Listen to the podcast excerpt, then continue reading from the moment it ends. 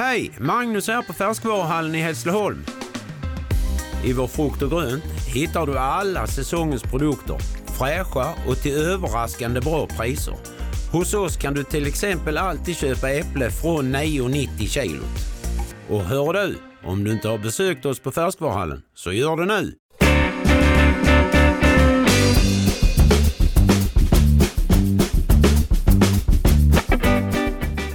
Ja, idag är det ju dags för eh, ett par av våra motståndare att dra igång. Tyskland mot Mexiko. Och en som har bra koll på framförallt Tyskland det är eh, Roger Sandberg som är eh, eh, vår scout och är med oss på telefon nu. Eh, ja, Roger, först och främst, vad, vad ska man säga om detta Tyskland? Eh, ja, alltså sett över eh, tid och eh, resultat så, så, så, har de ju, så är de ju ett fantastiskt VM-lag, det är inget snack om det. Och stora mästerskap över, överhuvudtaget. Så att, eh, det, det är en av de absolut svåraste motståndarna. Du, när, när, när, du, när du som scoutar ett lag här, liksom, som Tyskland, som spelarna har du koll på innan, hur, hur går du tillväga? Mm. Eh, ja, det, alltså, det, det handlar dels om att se matcher live och försöka bilda sig en uppfattning eh, på det sättet. Eh, och den stora fördelen man har med det, det är ju att man verkligen ser hela planen och man ser allt som händer och man får en känsla av hur snabbt det går också. Men sen är det en hel del jobb med, med analysprogram där vi sitter på datorn och har som i det här fallet, jag tror vi har tio matcher som vi har, som vi har utgått från eh, inför det här mästerskapet och där vi har sett Tyskland i de senaste tio matcherna och analyserat på, på dator. De tio matcherna då, hur många gånger har du sett dem? Oh, jag ser dem inte direkt sådär från början till slut utan jag, jag, vi har ju kategoriserat det så att eh, det är lite grann man bryter ner i spelets skeden så man eh, kanske tittar på speluppbyggnad och då kan man ju få upp alla klipp som har med spel, Tysklands speluppbyggnad eller om man vänder på det, förhindra speluppbyggnad. Så, så jag, jag, ser inte så mycket matcherna från, från början till slut. Eh, det kanske jag gör en gång, men sen så handlar det mer om att bryta ner det i de här skedena istället. Har de, har de förändrats, tycker du, om vi jämför från senaste mästerskapet? Eh, inte så mycket. Det, det, det, är ungefär samma grundfilosofi. Eh, sen så kanske det är lite, grann, lite annorlunda spelartyper som gör att, och kanske att de själva har förändrats lite grann, eh, de individuella spelarna. Eh, så, så kanske det är lite skillnad, men, men i stora drag så, så ska jag väl säga att det är ungefär samma Tyskland. Hur, hur skulle du beskriva deras sätt att spela fotboll? Vad är, det som, vad är, vad är deras nycklar? Ja, jag tycker, att, jag tycker att de är ett väldigt, väldigt välorganiserat lag. Eh, vilket inte alltid är så vanligt på landslagsnivå därför att man har inte så himla mycket tid att träna ihop sig och, och jobba med, med, med, med detaljer. Men, men, det känns som att Tyskland de eh, kanske ligger längst fram vad gäller just den här organisationen och det här tydliga arbetssättet. Och det, det tycker jag är absolut en av deras största styrkor. Eh, sen har de ju väldigt, väldigt många duktiga spelare. Så att de skulle kunna ha kanske tre, fyra lag som skulle kunna hävda sig väldigt bra på, på VM. Eh, det är väl också någonting som sticker ut. Eh, de har många, många duktiga spelare. Eh, ja, bara för att nämna några saker. Mm. Hur, hur förvånad blev du när han valde att inte ta med Leroy Sané? Eller? Ja, kanske rent spontant så var det ju ändå lite överraskande. Men, men när man väl tänkte efter så, så, så, är jag inte helt chockerad. Därför att dels har jag sett eh, de här senaste landskamperna live när, när, när Sané har spelat från start och när han har fått hela matcher. Han har faktiskt inte varit speciellt bra i de matcherna.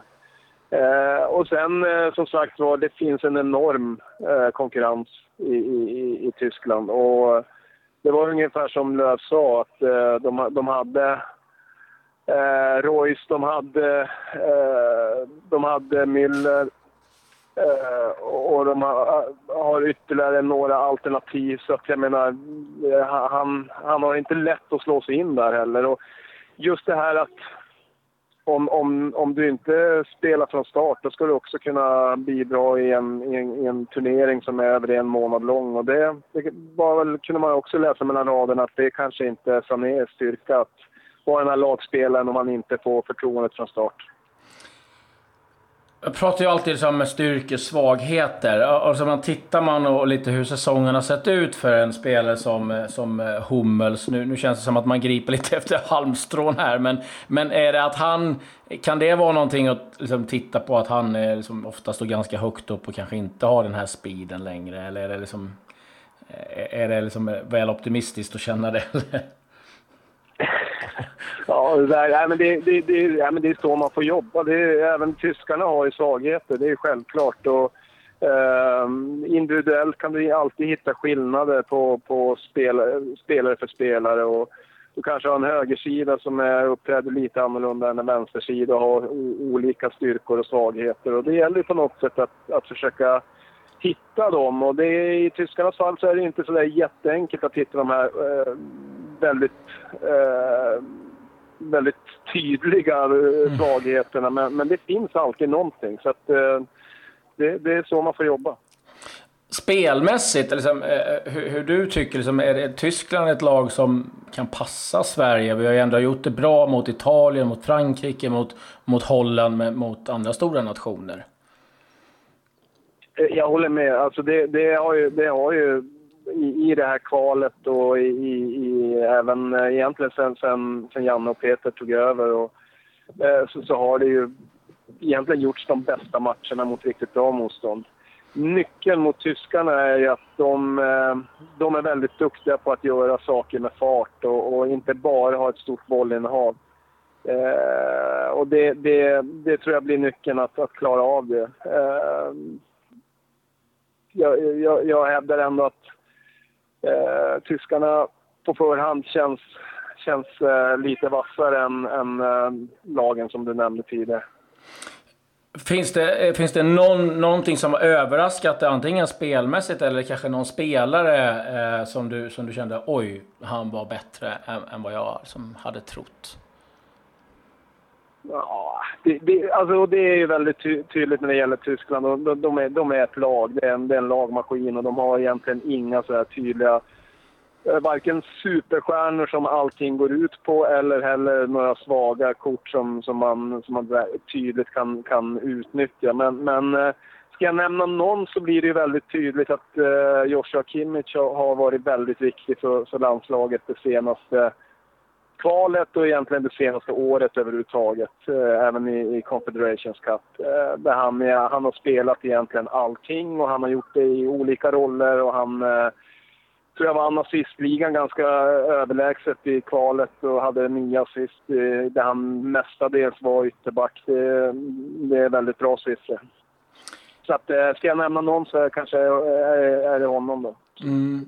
Eh, du, målvaktssidan är man ju lite nyfiken på. Det kan jag tänka mig att det kanske har vållat lite bekymmer för dig också med tanke på att Neuer har varit borta flera månader. Man har Ter Stegen som har gjort en jättesäsong eh, i Barcelona. Men det känns ändå som att de lutar åt, åt Neuer som sin keeper.